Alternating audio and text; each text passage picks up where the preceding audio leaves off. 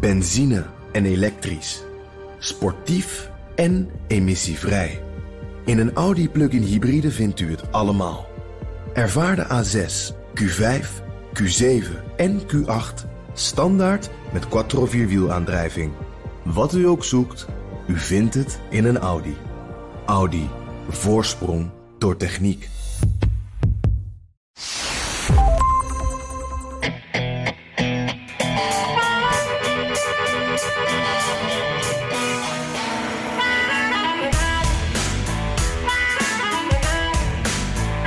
Verdriet en verslagenheid over de moord op George Floyd. Vreedzame demonstraties, brandstichting, plundering. Kortom, Amerika heeft er een pandemie bij. Een pandemie van wanhoop en geweld en van grimmige confrontatie. Dit is een extra editie van de Amerika-podcast. Mijn naam is Jan Posma en ik zit als altijd natuurlijk met een kopje koffie... Uh, in een uh, letterlijk en figuurlijk heet Washington D.C. aan mijn keukentafel. En ik ben Bernard Hammelburg in de studio in Amsterdam, gekluisterd aan de tv en de nieuwssite. En Jan aan jouw verslagen uit de VS. Ja, mooi. En uh, we gaan iets anders doen uh, deze week, Bernard. Want we hebben uh, zo een heleboel luisteraarsvragen. Die gaan we ook allemaal beantwoorden. Maar we doen nog iets, iets anders dan anders. Want ik mocht namelijk te gast zijn in jouw show, BNR De Wereld. En dat gesprek hoor je nu. Jan, hoe is de situatie op dit moment? Nou ja, er is op dit moment wat uh, militaire onrust, Bernard. Uh, die, die, brief van uh, generaal Mattis, die is hier echt wel als een bom ingeslagen. Maar daar zullen we het later nog wel even over hebben, denk ik. Ja. En ja, ik, ik zit hier in een belegerd Washington D.C. alles staat in het teken van dat protest. Ik woon een kwartiertje van het Witte Huis. En je moet je voorstellen, alle winkels zijn hier dichtgetimmerd. dat is echt wel sneu, want dit weekend mochten ze voor het eerst weer een klein beetje open... naar corona. nu meteen alles weer dicht. En op straat, ja, een ongelofelijke hoeveelheid militairen. Ik heb nog nooit zoiets gezien. Hier om de hoek staan uh, Humvees. de hele binnenstad staat vol met militaire vrachtwagens. Uh, het lijkt allemaal, ja, zoals jij net ook zei... het lijkt net uit, uit, Irak of Afghanistan. Een, militaire, el, elke vorm van ordehandhaving die je kunt verzinnen. je ziet hier de Nationale Garde, de Border Patrol, de DEA... die zich normaal met drugs bezighouden, de FBI. Ik zag gisteren zelfs ja, gevangenisbewakers in die speciale riot gear. dus ja, die bewaken eigenlijk de hele stad. En, en dan s'avonds cirkelen er de hele avond helikopters over. Dat zijn helikopters van de politie, maar ook bijvoorbeeld grote Black Hawks van het Amerikaanse leger die lagen overkomen. Dus het is echt ja, een, een oorlogssfeer hier. Ja, en ze hebben echt alle registers opengetrokken in Washington. Ja, zeker. Dat, dat zie je dus. En dat is een, een raar gezicht hoor. Want dat, dan, dan staat er op de hoek van de straat dus een enorme hummer uh, in camouflagekleuren. En daar staan dan een paar militairen bij, geheel in outfit en zwaar bewapend. En daar staat dan ook iemand dus van, van uh, ja, de DEA, die, die, zich normaal met drugs bezighoudt, staat er dan naast. Of een gewone agent. En ook de, de, de, ja, de, de rijen, die het cordon dat gevormd wordt rond het Witte Huis. daar staat ook alles eigenlijk door elkaar. Dat zijn agenten in natuurlijk een soort ME outfit, maar dat zijn ook militairen. Uh, ook alles door elkaar. Ja. Um, dat is Washington. Daar sta jij letterlijk en figuurlijk met je neus bovenop. We horen ook voortdurend uh, jouw uh, fantastische verslagen in de uitzendingen van BNR. Kijk eens wat verder om je heen in de Verenigde Staten. Wat is het beeld? Um, want er zijn een heleboel steden met spanningen, uh, met demonstraties, met, nou ja, noem maar op, met uh, plunder, uh, plunderpraktijken, brandstichtingen. Hoe gaat het? Ja, wat je ziet is, het begon natuurlijk allemaal in Minneapolis. dat was de eerste plek waar, waar de, de, vlam in de pan sloeg. En inmiddels, nou ja, een paar dagen geleden was het geloof ik 150 steden in de VS. Ik weet niet hoeveel dat nu is, maar het is gewoon verspreid over het hele land. Je ziet daar ook steeds een, een, een ontwikkeling in dat, dat in grote lijnen de eerste avonden er ook wat meer geweld was bij die protesten. in Washington was dat de laatste twee avonden een stuk minder. Ik zie ook nu op andere plekken er zijn natuurlijk incidenten. Er zijn ook plekken waar het echt nog steeds uh, misgaat, waar geweld is. Maar je ziet wel dat het een klein beetje ook uh, de, de sfeer een beetje verandert. Maar door het hele land uh, zijn echt protesten in, in, in vrijwel alle staten. Dus dit is echt een, een landelijk protest geworden. Ja, ja. Ik zag ook, Jan, beelden. Uh, wel hele ontroerende beelden ook van politieagenten die knielden voor demonstranten. Uh, ja. een, een, politiecommissaris die arm in arm opliep met demonstranten. Dus dat zie je dan ook. Hè. Dat, dat, dat geeft de burger dan, zal ik maar zeggen, weer een beetje moed. Ja, zeker. En ik moet ook wel zeggen, uh, we hebben ook vanuit Washington hele vervelende beelden gezien. Uh, mijn ervaringen met de politie uh, en, en alles wat hier rondloopt, is tot nu toe toch, toch positief. Ik bedoel, de, de, ze, ze, ze treden hard op, maar ik heb zelf daar geen problemen gezien. Nee. en ze zijn, die, die mensen die worden ook de hele dag worden ze toegeschreeuwd. En dat gaat soms heel, heel persoonlijk wordt dat. Ik heb verschillende mensen gezien, demonstranten, die, die dan op 30 centimeter afstand zo'n zo man in zijn uh, gezicht staat te schreeuwen. En uh, in sommige gevallen wordt er dus ook antwoord gegeven. Gaan ze een beetje voorzichtig de discussie aan. En, en is er dus wel een dialoog. En ik zie hier ook agenten gewoon tussen de demonstranten lopen. En die, die praten ook met die demonstranten. Dus het, gisteren was nog iemand bij het Capitool, een agent die knielde. Dus dat gebeurt inderdaad ook. Ja, dat is even om, om het beeld ja, iets te corrigeren. Omdat we anders de indruk hebben dat het alleen maar hard tegen hard gaat. En dat is gelukkig niet het geval. Even de retoriek, uh, Jan. Uh, we komen nog wel te spreken over hoe Trump het nou allemaal aanpakt en wat de gevolgen daarvan zijn. En je had het al over Mattis, die oud-minister van uh, Defensie. Maar zijn boodschap was, er zijn twee dingen. Die zaak Floyd, dat moet worden uitgezocht. En dat moet, daar moet de rechtbank mee aan de slag. En de, de orde moet hersteld. Op zichzelf, los van hoe die het deed, maar op zichzelf kun je zeggen: ja, dat is voor een president niet zo gek om de, die, die doelstellingen uh, te zetten, toch?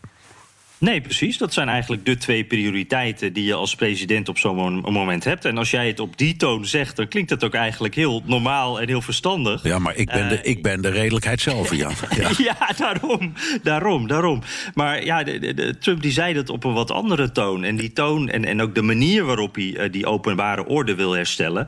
Uh, dat is denk ik waar, waar nu het, het, het, probleem zit voor veel Amerikanen. Want dat was natuurlijk het, ja, dat was niet deescalerend, zullen we maar zeggen. Trump die ging juist vol de confrontatie aan.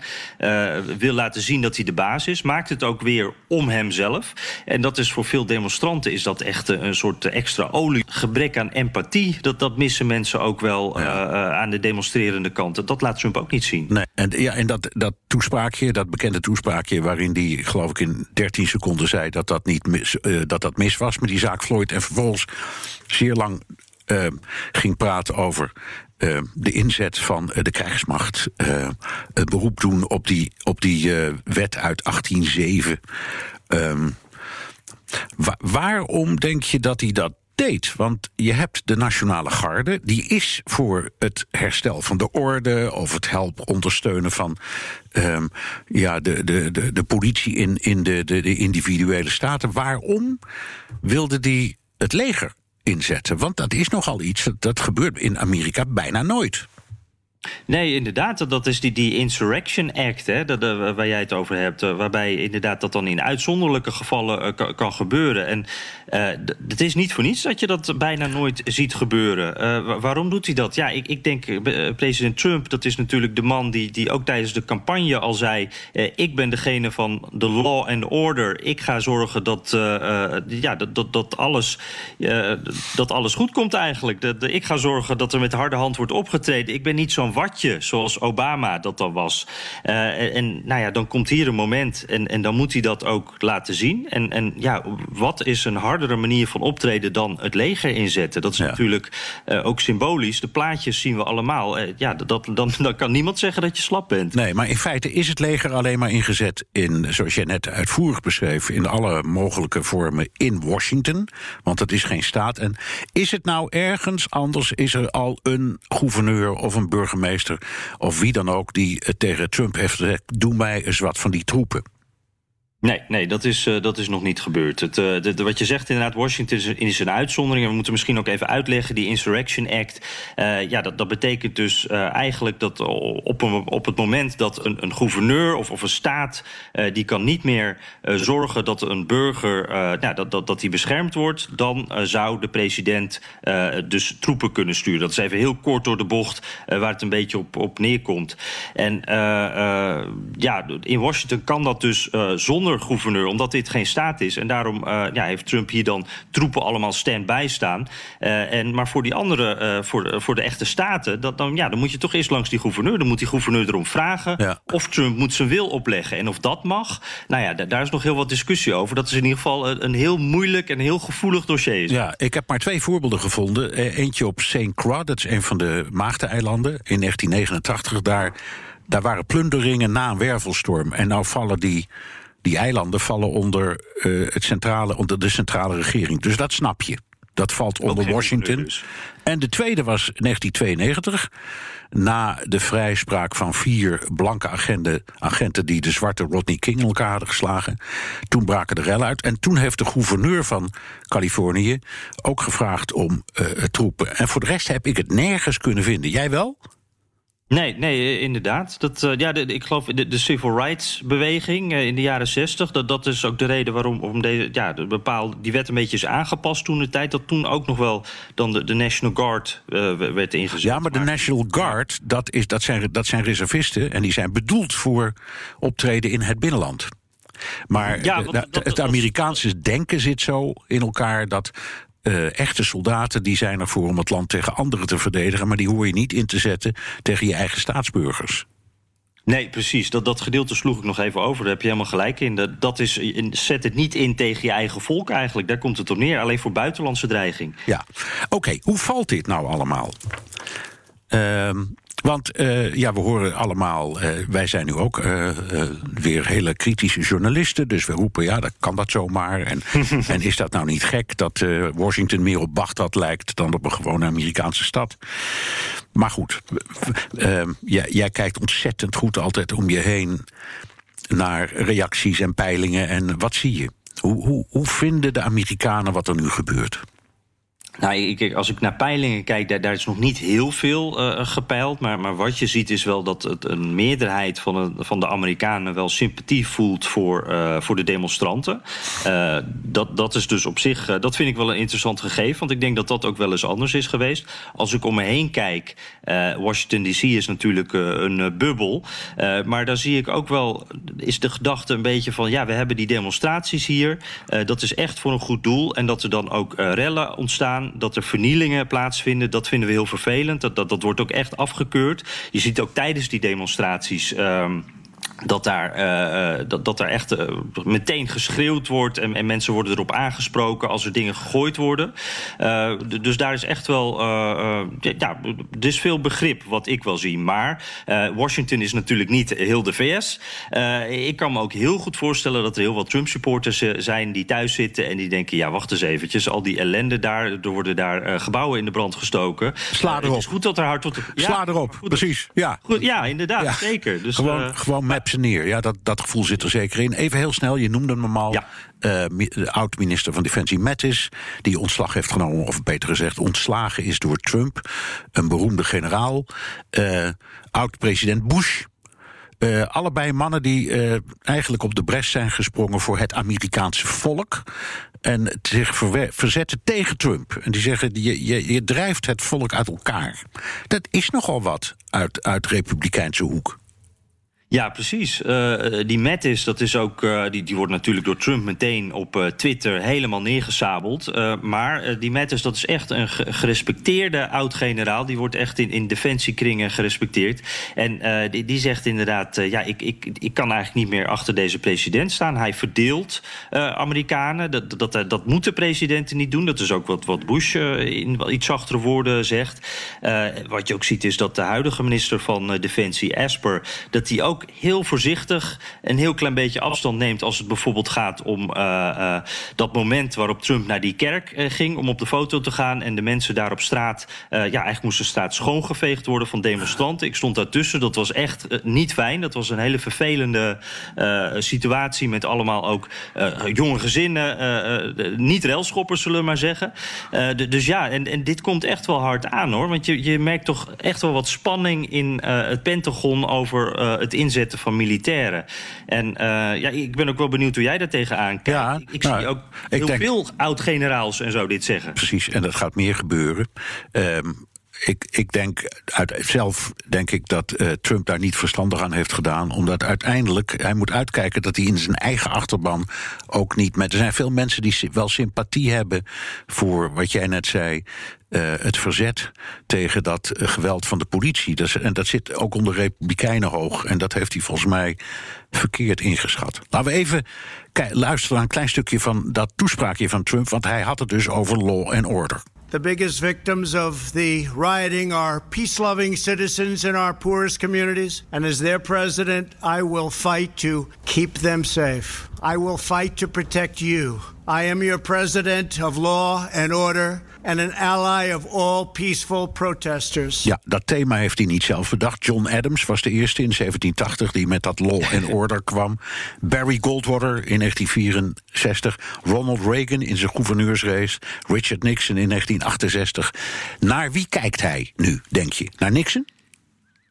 Nou ja, ik, ik heb zelf het gevoel dat hij eerder naar Reagan zou kijken. Dat, dat, uh, Reagan is iemand natuurlijk die in republikeinse kringen nog steeds uh, vereerd wordt, eigenlijk. Uh, en als je kijkt waar komt die slogan Make America Great Again vandaan, dat, dan weten we ook, hè, dat was ook een campagneslogan voor Ronald Reagan. Dus ik, ik heb het idee dat Trump, dat is ook een periode waarin hij, de, denk ik, een beetje ook de, de politiek in de gaten hield, dat hij naar die periode kijkt. Ja, denk je niet? Wat denk ja, jij? Nou, het zou, het, het zou heel goed kunnen. En, en Reagan geldt natuurlijk inderdaad als een soort van. Uh, ja, dat is een metafoor geworden van de, voor de moderne opvatting van wat republikeinen zijn. Dat is ook de man die uh, in het, het hele zuiden heeft losgerukt uit de Democratische Partij en Republikeins heeft gemaakt. Dus inderdaad, ik denk dat er heel veel Trumpisten zijn die uh, uit die periode komen. En uit toen ook van democratie zijn overgestapt naar republikein. Dat zijn, de, de, zijn net mensen die zijn gestopt met roken.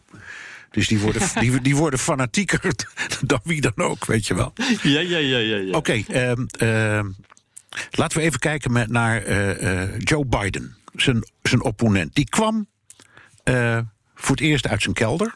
In, in Delaware, omdat de lockdown daar werd opgeheven. Dus die kon, die, die, die kon voor het eerst zich weer laten zien. En die hield een toespraak en die heeft wel wat indruk gemaakt. Wat is jouw indruk? Wat is jouw indruk? Bestaat Biden weer of gaat het gewoon alleen maar over Trump nog steeds? ja, nee, dat, inderdaad. Ik, eh, nou, weet je, dat, dat is een beetje veranderd. We, hadden het toen ook over van uh, dat moment dat die speech was gehad. Mijn eerste reactie was: Oh, dit is Biden is een beetje wakker geworden weer. Dit is denk ik goed voor Biden. hij heeft weken in zijn kelder gezeten. deed wel internetfilmpjes, die worden amper bekeken. Vooral als je het vergelijkt met echt de ongelofelijke online machine die de Trump-campagne heeft, waar miljoenen mensen naar uitzendingen kijken. Nu was hij naar Philadelphia gekomen om daar een speech te houden. En, uh, en hij was, ja, hij is niet altijd even scherp hè, hoe die overkomt. Hij komt wat oud en, en, en, slaperig over soms.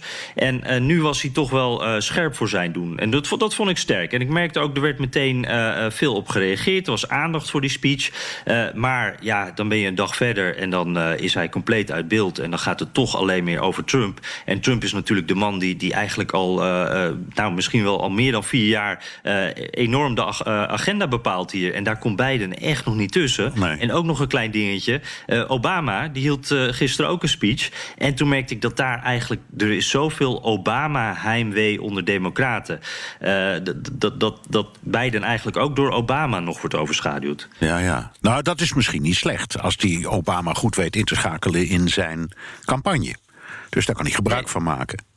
Absoluut, ik, en dat heeft hij zelfs nodig, denk ik. Dat is misschien wel zijn reddingsboei. Ik, ik, ik, vond in die speech van Biden uh, opmerkelijk dat hij begon met zelf te zeggen wat hij vond van dit soort spanningen en de Amerikaanse geschiedenis en de schaamte die hij voelt dat dat probleem met onderbetaalde uh, minderheden nog steeds niet is opgelost. En dat hij daar wat aan wil doen. En daarna pas kwam met een aanval op Trump. Dat was de eerste keer dat ik hem niet eerst in de aanval op Trump hoorde gaan. Want ik denk altijd, ja, je tegenstander aanvallen, daar win je nooit mee. Maar met een eigen, ja, een eigen visie komen, dat kan nog wel eens werken bij de kiezer. Ja, dat, dat denk ik ook. En ik vond het ook wel sterk, omdat hij natuurlijk al, al 40 jaar uh, in het overheidsleven zit. Hij is al 40 jaar politicus. Dus, dus hij heeft ook veel van die tijd meegemaakt waarin uh, dingen verkeerd gingen. En dan moet je dat denk ik ook benoemen. Ja. Dus, uh, en, en, hij maakt het ook weer heel persoonlijk. Hè. Hij was echt de anti-Trump in die speech. Heel, heel empathisch. het gevoel wat hij zelf had, het gevoel van verlies wat hij natuurlijk heeft meegemaakt met zijn, zijn vrouw die is overleden en zijn zoon recenter. Dus dat, hij probeert zich echt neer te zetten als alles wat Trump niet is. Ja, ja zijn, zijn citaat was: uh, ik, ik weet hoeveel pijn het doet als je een dierbare verliest. En daar had hij het over die meneer Floyd, die is vermoord. Dus ja, ja, dat, dat, en dat heeft hij veel vaker gezegd. En hij, hij betrekt het altijd op zichzelf, het, het, leed dat hij zelf heeft. En hoewel ik dit al tien keer heb gehoord, hij weet dat toch uh, goed over te brengen dat je het gelooft. En dat is toch ook wel een kwaliteit. Ja, en nu uh, terug naar de kiezer. Um, want je zei al, eh, ja, hij komt dan uit zijn kelder en hij houdt een toespraak. Of Obama, die valt hem bij of houdt een toespraak. Maar dat verdwijnt dan weer in die overmacht van berichten uit de Trump-machinerie. Um, kunnen ze daar überhaupt tegen op? Want elke keer, ook als ik zo'n commentaar lees op die Mattis die wat zegt, dan roept tweet Trump meteen: dat was de meest waardeloze generaal die dit land ooit heeft gehad. Bam. Ja, die ja. Mattis kan niks meer terugzeggen op zo'n moment. Nee, nee. En zo gaat het met Biden ook en met iedereen die hem tegenspreekt. Ja, nee, je hebt helemaal gelijk. Het, het is een stoomwals, uh, de, de, de Trump-campagne. Alleen al Trump's Twitter-account is een stoomwals... wat alles opzij duwt en, en plat uh, drukt. En, en dat geldt voor die campagne ook. Ze zijn super slim, super agressief ook. ik, krijg, ik heb me ingeschreven ook bij, bij beide campagnes. En de Trump-campagne, daar krijg je...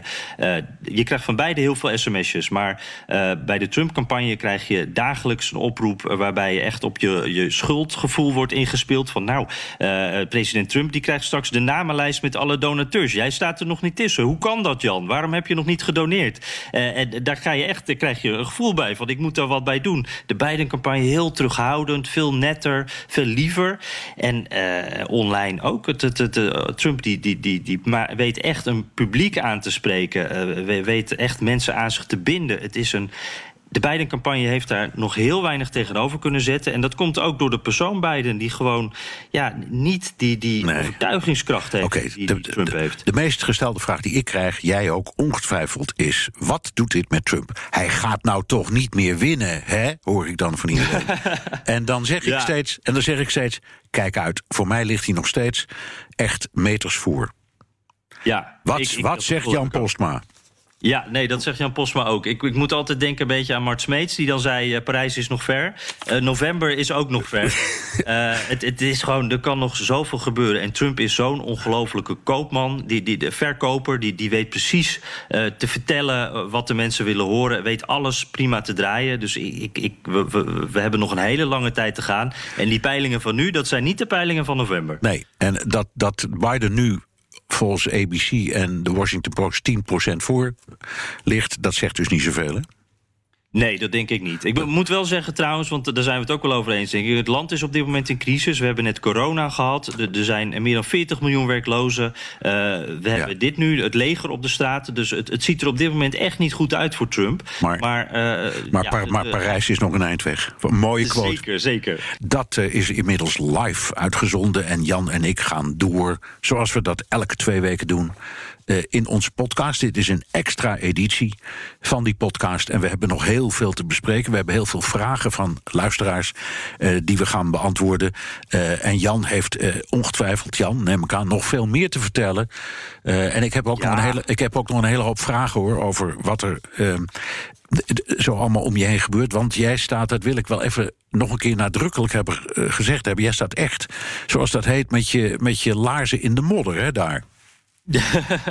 Ja, nee, het, het, is, eh, het is wel heel bijzonder hoor. Want wij wonen dus eh, een kwartiertje lopen van het Witte Huis. En, en da- dan ga je dus heel snel even kijken eh, als er weer wat gebeurt. En de afgelopen nou, vijf, zes dagen was het steeds elke dag eigenlijk raak. Dus dan pak ik die microfoon en dan loop ik daar naartoe. En, en, ja, je, je, je hoort het al van een grote afstand, die protesten. En ehm, het is gewoon heel interessant om met die demonstranten te praten. En om te kijken wat voor mensen dat zijn. En, wat ze ook allemaal uh, drijft om daar uh, dus steeds in grotere getalen elke dag te zijn. Um, en uh, ja, de, de, het is fantastisch eigenlijk om dat te kunnen doen. Het is ook wel bizar, want je hebt constant het gevoel dat je er binnenin zit, middenin zit. Die helikopters die gaan hier over, de mensen lopen hier langs. Dus we zitten echt letterlijk in dat protest, Bernard. Ja, ja. en wie zijn het, Jan? Die mensen, die, die demonstranten? Want ik, zie, nou, ik zie dus, ik zag daar in, in Washington uh, bij die, uh, ik zal maar zeggen, geanceneerde opruimingsactie. Uh, eigenlijk voornamelijk blanke demonstranten. Ik weet niet of ik het goed zag, maar die indruk had ik. Ik zag een zee van blanke mensen en natuurlijk ook van zwarte. Maar ik dacht niet, dit is een zwarte protestbijeenkomst. Dit is gewoon een protestbijeenkomst.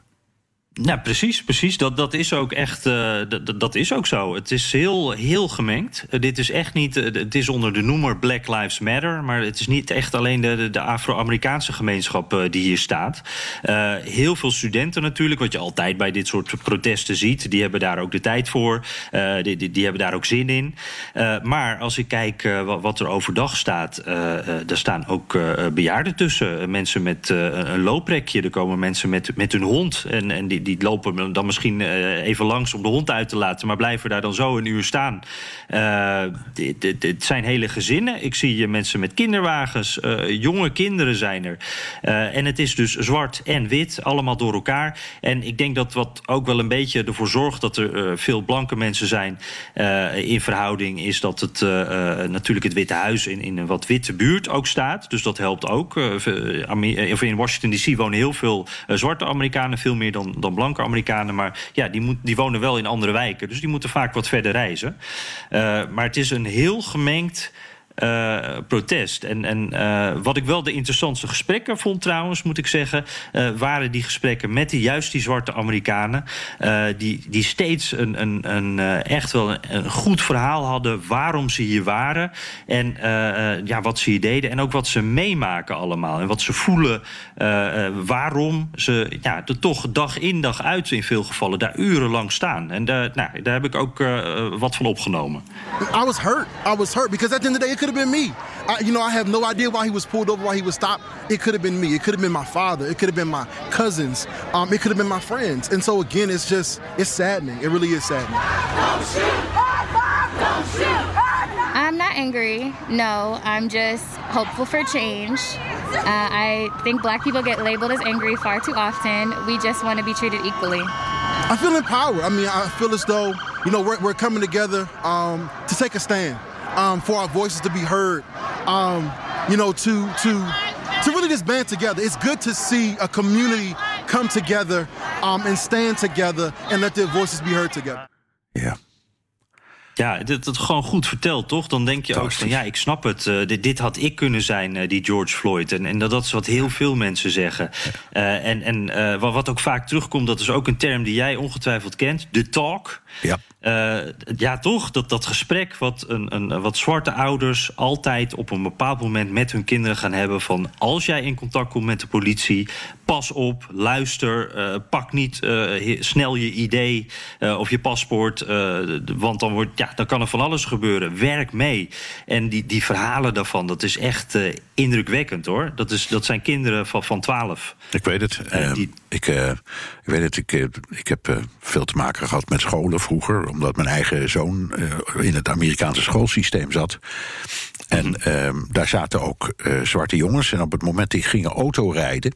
Wij woonden in een buitenwijk hè, en dat was redelijk welvarend. Op het moment dat die mensen, dat die jonge lui gingen autorijden, dat mocht vanaf hun zestiende. Dan kregen ze de auto van hun moeder mee of van hun vader mee. En dan zagen ze er dus gelikt uit, zou ik maar zeggen. Dan werden ze ja. gegarandeerd minstens één keer in de week aangehouden.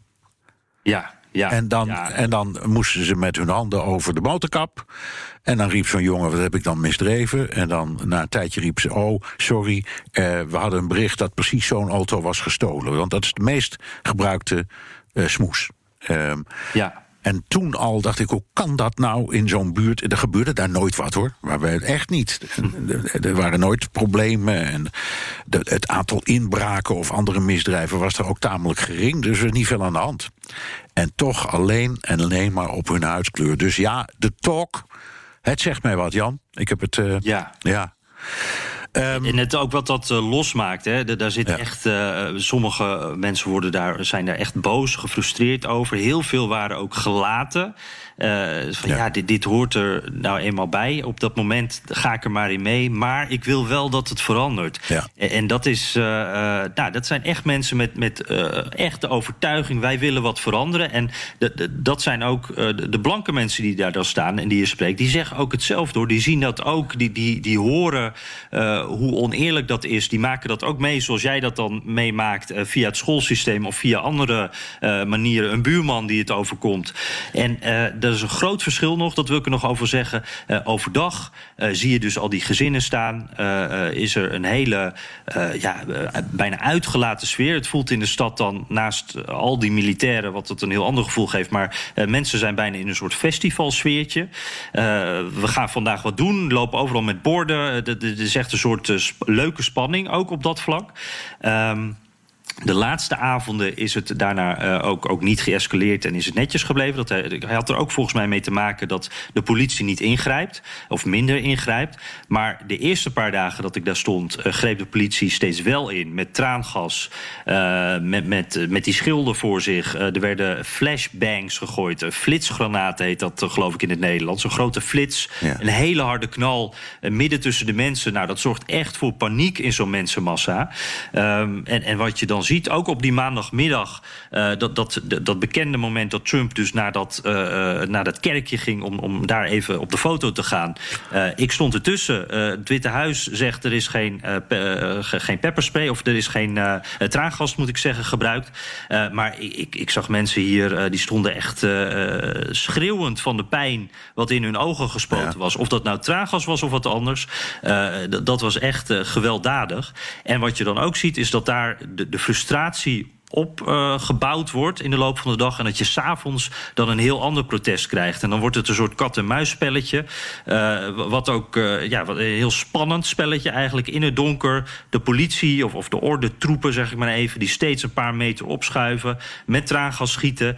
En, en dan, wordt het, dan wordt het dus ook ruiten ingooien. Auto's in de brand steken. Dat heb ik ook gezien. Daar stond ik ook tussen. dat is niet goed te praten. Maar het is een wisselwerking. Ja, die jawel, politie maar... die zo hard ingrijpt. En ook een heel ander volk wat daar s'avonds is, wat daar ook om andere redenen komt. Ja. Maar ik vind wat je zegt, dat is niet, valt niet te tolereren, toch een belangrijk punt. Want zelfs uh, als, uh, ik zal maar zeggen, ik, ik, zeg het even heel clichématig, de zwarte gemeenschap volkomen gelijk heeft in alles, dan nog uh, valt het in brandsteken van uh, goederen of auto's of het plunderen van zaken, uh, het, het, het ruïneren van kleine winkeliers en zo. Ja, ja, Dat, dat valt niet goed te praten. En dan moet je als overheid ingrijpen. Je hebt geen keus. Ik denk niet, je kunt niks, je moet ingrijpen. En, mm. en het vreselijke van de Amerikaanse politie is dat die zo repressief is. Dus die gaat, ja, wat je in die film ziet, hè, deuren inbeuken en tegen iedereen gillen. Dat ze plat moeten gaan liggen en uh, ja. meteen met de hand boeien. Het gaat altijd keihard en gewelddadig. Maar ja, als je met politiemensen spreekt, dan zeggen ze ook dat is waar. En uh, ik, ik, ga me niet, ik, maar ik ga me toch niet verontschuldigen. Want een groot deel van die mensen waar jij het over hebt, die hebben wel een wapen op zak. Ja, precies. En dat, en dat is ook zo. Uh, ja, dat is helemaal waar. Ik, had ook, uh, wij, ik ben een jaar geleden verhuisd, dus we wonen nu in een wat chicere buurt. Maar hiervoor woonden we in een wat meer, uh, ja, echt in, in een slechter stuk Washington. en en daar, daar was ook veel vuurwapengeweld. Dat is ook de reden dat we daar weg zijn gegaan. het blok waar we woonden had als bijna murder block. Dus nou, dan moet je echt wegwezen. Dat was echt niet leuk meer. Nee. maar op een bepaald moment kwamen we daar ook een agent tegen. Die was op de fiets. En ja, als, dat was zijn. De, in plaats van in de auto zat hij op een fiets, fiets hij door de buurt. En die vertelde ook van dat is s'avonds, is dat echt eng. Dan doe ik dat nooit alleen. En als er wat is, dan bel ik eerst een uh, collega met de auto. En dan staan we met de vuurwapens klaar. Want je weet nooit wat je aan, nee. uh, aantreft. Het kan het kleinste, de kleinste melding zijn. Er kan altijd iemand met een pistool staan. En dat is dus ook vaak ja. zo. Er was er op een bepaald moment een mars tegen geweld. En op die avond werd een politie politieagent, daar werd de, het pistool van gestolen. Nou, uh, toen sloeg het natuurlijk in één keer om, hing er een helikopter boven de wijk. En uh, nou, je kan je het allemaal voorstellen, echt vreselijk. Ja.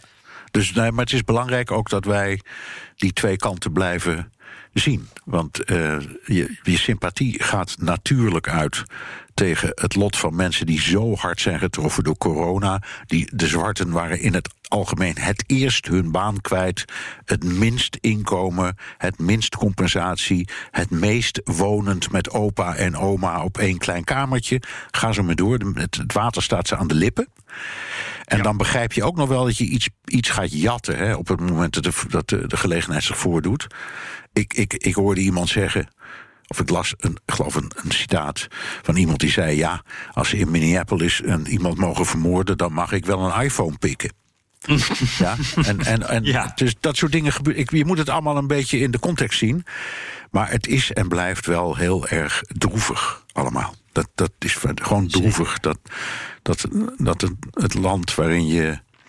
Uh, nou ja, met zoveel bewondering, waar, waar, je altijd met zoveel bewondering naar kijkt. Ik bedoel het helemaal niet politiek, maar gewoon maatschappelijk en, en, en, en wat, wat ondernemingszin betreft, dat dat nog zo verscheurd wordt door zulke spanningen.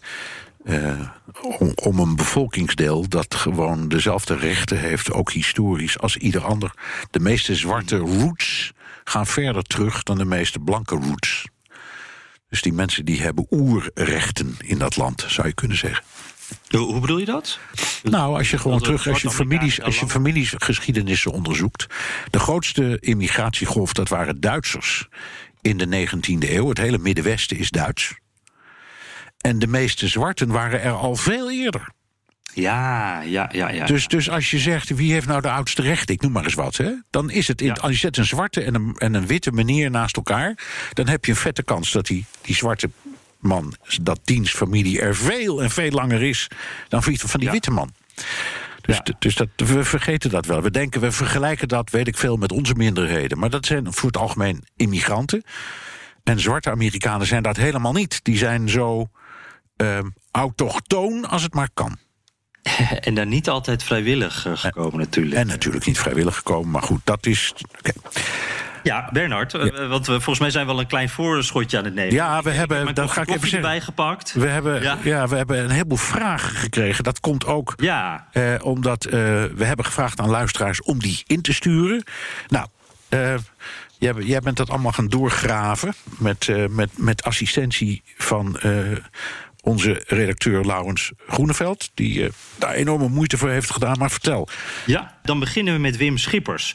Kunnen jullie in simpel uh, Nederlands uitleggen wat er op dit moment gebeurt in de USA? Dit komt toch niet alleen door Trump of de veten tussen Democraten en Republikeinen? Het lijkt wel of Amerika afscheid neemt van de beschaving. Is er nog hoop of is deze periode het begin van puntje, puntje, puntje? Ja, jij eerst of ik eerst? Nou, zal ik in ieder geval eerst zeggen dat er altijd hoop is, Bernard. Ja. Zo is het. nam al een voorschotje, hè, want eh, er kwamen een paar dingen hier samen. We, we hebben een lange geschiedenis waarbij onderdrukking van zwarte Amerikanen en racisme een rol speelt. Als het nou gaat om slavernij, heel lang geleden, uh, de civil rights beweging, uh, Jim Crow South, het, het, recenter politieonderdrukking. die gevolgen daarvan zijn op allerlei vlakken nog steeds merkbaar. En, en ik denk, oudere Amerikanen, oudere zwarte Amerikanen hebben dat allemaal nog meegemaakt, die segregatie. Ja. En ja, dat politiegeweld, dat sluimert al decennia. Hè? En dat komt er om de zoveel tijd uit. En ik denk ook dat uh, corona daar dan ook bijvoorbeeld een rol bij heeft gespeeld. Omdat veel men, die, al die veel weeffouten in de Amerikaanse samenleving... die worden nu uh, zichtbaar. En zwarte Amerikanen worden daar echt zwaarder door geraakt. Ja, dus het antwoord aan Wim is... helaas is dit een herhaling van dingen die zich al veel vaker heeft voorgedaan. Het is niet een fete tussen Democraten en Republikeinen dit keer. Dat speelt er wel doorheen, de politiek. Maar dit is gewoon een klassieke clash tussen zwarte Amerikanen en de mensen die zij als symbool zien van ouderwetse onderdrukking. En dat explodeert. Elke zoveel jaar heb je weer zo'n clash. Uh, en dat gaat ook dwars door alle regeringen heen. Uh, dat heeft ongeveer elke president mee moeten maken. Zo, zoiets. Dus wat dat betreft staat Trump. Hij pakt het wel op een hele, ik zal maar zeggen, aparte manier aan. Maar het is zeker niet zijn probleem. Het is ook niet door hem ontstaan. Hè? Daar moeten we ook duidelijk over zijn. Mhm. Nee, we, we, hebben het er wel eens vaker over gehad. En misschien dat ik nu een beetje voorloop op een vraag die nog komt trouwens. Maar uh, heel veel presidenten hebben hier uh, natuurlijk aan gewerkt. Uh, heel veel presidenten hebben hiermee te maken gehad. Ik denk, ja, het enige wat echt een verschil heeft gemaakt... is de, de mobiele telefoon. Dat we het nu met z'n allen filmen. Ja, dat is waar. We zien het nu meer. We zien het nu meer, want als er niet toevallig een filmpje was gemaakt... van de moord op deze meneer Floyd, dan was er niks gebeurd. Nee. Hey, Bernard, nog één dingetje, want jij noemt ook al... dit komt onder zoveel jaren weer, weer terug. We hebben natuurlijk in 92 Rodney King gehad, die rellen in L.A. Ja. Uh, we hebben recenter Ferguson gehad. We kunnen ook nog veel verder terug. Als je dit nou in historisch perspectief plaatst... Is dit, hoe, hoe is deze omvang? Hoe, hoe groot en uitzonderlijk is dit? Of, of valt nou, hij is, het, hij, is, hij is groot omdat het in het hele land is en hij duurt lang. Het, dat moet, nog, moet ik nog even nagaan. Maar ik denk dat het wel de langste is ooit. Hmm. Ik weet niet of het de felste is, want uh, in de Rodney King-zaak... daar zijn echt bosjes mensen uh, echt omgekomen hè, in, in die rellen. Mm-hmm. Uh, ja, en in meer schade ook. En ook meer schade. Dus dat, ik denk, nou ja, het is een soort rare competitie, lijkt het wel bijna. Maar ik denk dat deze, ja, vooral, dat vooral, dat deze vooral lang duurt. En dat dat weer vooral te maken heeft met de opgeborrelde frustratie door corona. En ook wel met de keiharde opstelling van de president. Het is niet iemand die roept: jongens, ik sla mijn armen om je heen. En ik trek het me ook aan. En laten we proberen om het op te lossen. Dat soort, als hij dat zou doen, dan zou dat zou hebben geholpen. Maar daar kiest hij ja. niet voor. Nee. Nee, en, en, nog even kort hoor, want we moeten ook de, de, de andere vraag natuurlijk uh, even doen. Maar, nou, zeg, het zijn er een hoopje. Ja, ja, als je het vergelijkt met. Uh, iedereen noemt 1968. Uh, dan denk ik ook, ook in Washington was toen de schade veel groter. Je waren echt hele straten uh, stonden in de brand toen, ja. na, na Martin Luther King. maar die vergelijking, wat vind je daarvan? Nou, kijk, in 1968 was in de hele wereld was er wat, hè? In Parijs in, in, uh, aan, aan de westkust in Amerika. Dus dat was een revolutiejaar. Dus daar kwamen allerlei dingen bij elkaar. Daar kwam ook de Black Power Movement. Uh, weet je nog, die, uh, die, die atleten die met een op de Olympische Spelen met een vuist omhoog gingen. Dus daar dat kwam... gebeurt nu ook veel weer. Ja, ja, ja, ja natuurlijk. Ja. Maar toen was dat nieuw. Uh, ja. En to, toen barstte ook helemaal de strijd los tussen de, de, mensen die voor en tegen geweld waren. Martin Luther King was voor geweldloos protest. En Malcolm X, zijn grote opponent, was juist voor geweld. En dat kwam toen allemaal boven. De, dus, dus ik zeg het, het politieke discours, maar ook de discussies over de betrok, tussen de betrokkenen zelf. De, de reactie van de politiek. Want ja, Richard Nixon was nou ook niet van de zachthandige aanpak. Um, dus ja, daar, ik begrijp die vergelijking. En toch was hij, denk ik, anders dan nu. Het is niet zo dat mensen nu het gevoel hebben dat ze opnieuw de slavernij moeten afschaffen. Dat was toen, dit was, 68 was pas vier jaar na het afschaffen van de apartheid. Want dat was in 64. Ja. Dus dat was toen nog In Amerika, de segregatie bedoel je? De segregatie, ja. De, de, de, ja, ja, ja. De, de, ja, de wet op de burgerrechten, die is uit 1964. Dus die was er toen nog maar net. Ja. En in die tijd, hè, in 68, had je ook nog gewoon de kleine apartheid. Hè? Met mensen die, uh, die uh, cafés niet in mochten en, uh, en al dat, dat soort dingen op zijn Zuid-Afrikaans. Dat bestond toen nog. Ja, ja precies. Onvoorstelbaar. Ja. Um, we moeten eens even. Zullen we Paul Peters eens even doen? Uh, de president zei in de Rose Garden speech dat, het leger, uh, dat hij het leger had gemobiliseerd. Uh, tegen de looters en rioters. Ondanks dat er een wet is die het inzetten van het leger op Amerikaanse bodem verbiedt. Trump noemde een uitzonderingswet uit 1807. Maar hoe zit het daar precies mee? Ja, we hadden het al eventjes in de uitzending erover. Ja. En toen hebben we het een beetje, een beetje rommelig verteld, geloof ik. Dus misschien moeten we het nog eventjes een keertje over doen. Die Insurrection Act, hoe zit het nou precies? Nou, die, die, die is destijds uh, geschreven voor het geval er een opstand zou uitbreken in de Verenigde Staten of een hele grote ramp. Uh, en de bedoeling van de grondwet is dat de krijgsmacht niet optreedt in Amerika zelf tegen eigen burgers. Daarvoor heb je iets dat heet de National Guard. Die kun, je, die kun je inzetten bij natuurrampen of als er rellen zijn of noem maar op. En die, die worden ook in een heleboel staten nu ingezet. Maar het inzetten van de krijgsmacht, dat is eigenlijk maar een paar keer gebeurd. Uh, in, in de moderne tijd. Eén keer in, op de, op de Maagdeneilanden. Toen daar plunderingen plaatsvonden na een wervelstorm. Ehm, en in 1992 op verzoek van de gouverneur van Californië in de, in de kwestie van Rodney King. Toen ook uh, ja, de, de, de ravage kolossaal en het aantal doden enorm was. En voor de rest wordt die wet eigenlijk nooit ingezet. En, en, ja, mijn indruk is ook zeker naar aanleiding van jij, wat jij vertelde, dat die ook niet echt wordt ingezet, alleen symbolisch en eigenlijk alleen in Washington. Ik, ik zie het leger niet uitwaaieren over heel Amerika hoor. Nou, nee, ik ook niet. Ik ook niet. Ook omdat die gouverneur. Dit is natuurlijk ook weer die klassieke strijd die we vaker zien tussen de staten en, en Washington, de federale overheid. En, en dat is iets wat ook natuurlijk dat hoort bij het Amerikaanse systeem. En op het moment dat die staten toegeven aan Washington, is dat ook een soort ja, verplaatsing eh, van de macht, machtsbalans. En, en dat is natuurlijk. Uh, dat, dat wil niemand doen eigenlijk. Um, en ik, ik heb ook nog eens even een beetje gekeken. Want. Um, het gaat ook uh, in deze wet om een, uh, uh, ja, een soort uitzondering. Want, want die, die Insurrection Act, dat gaat er ook om of de gouverneurs die, die vraag stellen. Maar hij kan, de president kan dus ook die troepen inzetten op het moment dat eigenlijk de wet niet meer gehandhaafd kan worden door die staat zelf. Hè? Ja. En, en, en, dat is iets. Ik geloof dat er een beetje discussie over is ook of dat nu tijdens uh, die civil rights beweging is gebeurd. Uh, jij zei eerder van niet. Ik kwam ook wat berichten tegen dat het toch wel het, het, leger was. wat bijvoorbeeld bij Little Rock in Arkansas is ingezet. om, om de, de, de, integratie van de scholen daar uh, te, te, te, bevorderen. Toen, die, toen daar zo geprotesteerd werd. Het zou kunnen, maar ja. ik dacht dat het de National Guard was. Maar je kunt gelijk hebben. Ja. ja, goed. Maar dat is, uh, laten we dat ook nog. Het is echt ingewikkeld, hè? Want het, het, je hebt de Nationale Garde, die lopen ook gewoon in legeruniform rond. Uh, ja, maar dat zijn, dat zijn allemaal reservisten die speciaal hiervoor zijn aangewezen. En in elk geval valt dat binnen de wet, hè? Dus daar hoeft niemand een speciale uitzondering voor te doen. En elke gouverneur kan in zijn eigen staat zijn eigen uh, Nationale Garde oproepen. Ja, en Trump heeft het dus echt over het Amerikaanse, het, het federale, het echte. Oh ja, en dat is bedoeld om vijanden van buiten te, te bevechten. Ja.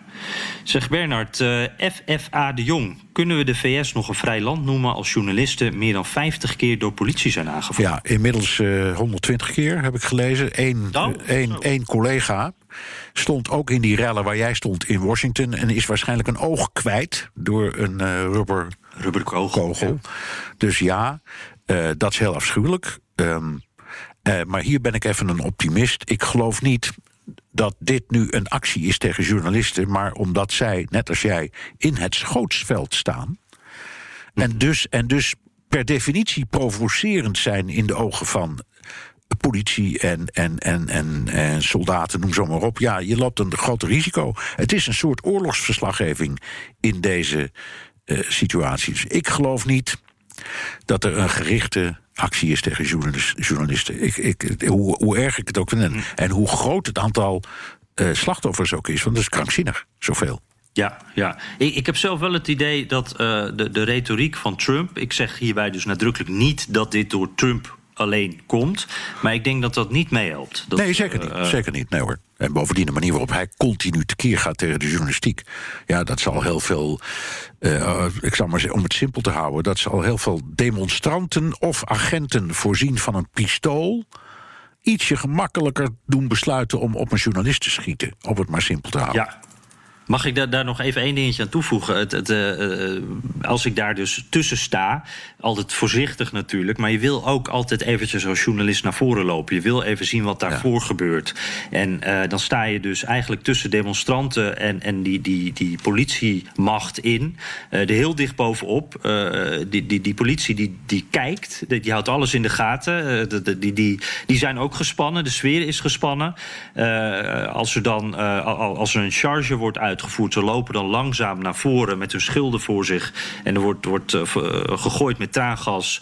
Uh, die, die, bommen waar ik het over had.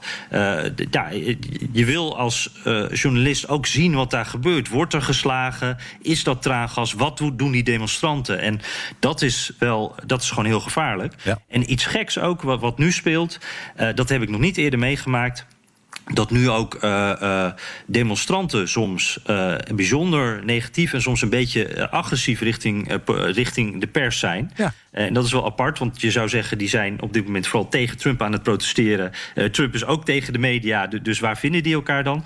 Maar uh, het is raar, je loopt, ik, loop, ik heb een perspas, die heb ik om. maar tegelijkertijd heb ik ook altijd mijn gele BNR-microfoon in de hand, zodat mensen duidelijk zien dat ik van de media ben. maar je hebt dus soms wel eens dat je overdag bij de politie die microfoon in de lucht houdt, van pas op, ik ben van de media. En dat je dan s'avonds die microfoon even wegstopt en dat perspasje ook onder je shirt stopt, omdat dat je ook weer niet door de andere kant wil worden aangevallen. dus het, is uh, een rare toestand. Ja.